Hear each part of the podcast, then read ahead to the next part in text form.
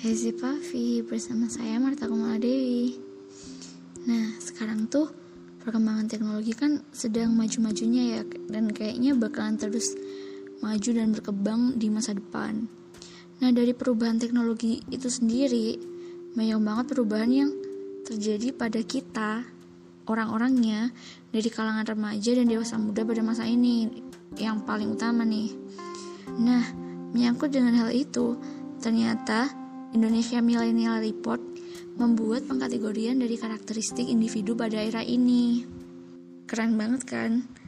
Ternyata mereka setelah melakukan riset, mereka dapat tujuh kategori dari karakter yang dibuat oleh Indonesia Millennial Report. Salah satu kategori yang lagi pengen saya bahas sekarang itu the socialize atau si sosialisasi. Karakter dari individu ini itu didominasi oleh sifat ramah, menyenangkan, mudah diajak bicara, dan suka memulai pembicaraan. Mereka selalu nempatin kegiatan kumpul bareng teman-temannya itu di prioritas paling atas.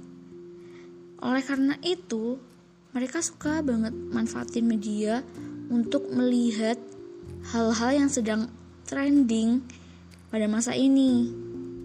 Baik itu melalui televisi, dari video online, bahkan sampai dari berita harian, baik melalui koran maupun media digital.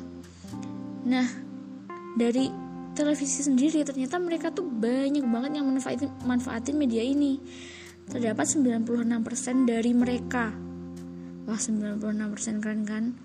Nah, yang kedua itu yang melalui video online ini ternyata nggak terlalu banyak tapi masih dilakuin dari 21% dari mereka. Dan yang terakhir itu dari berita harian yang dilakukan oleh 22% dari mereka.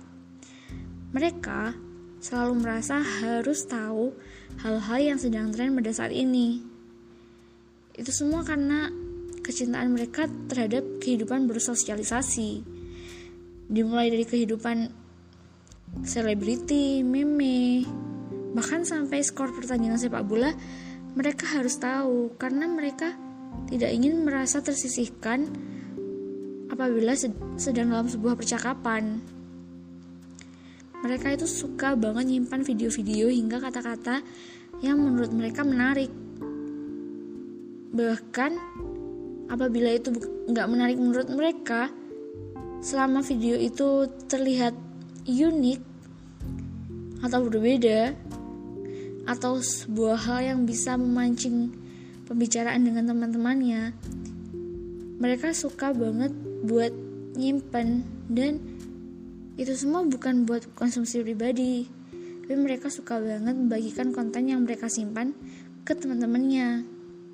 Dan dia itu selalu memperhatikan respon-respon dari mereka yang dia bagi kontennya.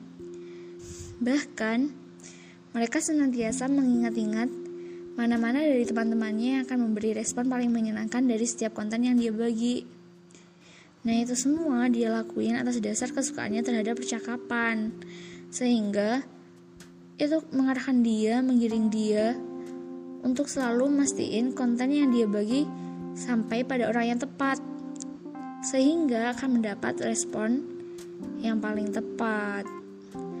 Nah, itu beberapa hal yang bisa aku sampaikan tentang di socialize atau si sosialisasi. Terima kasih udah dengerin podcast aku. Bye bye. See you in the next podcast.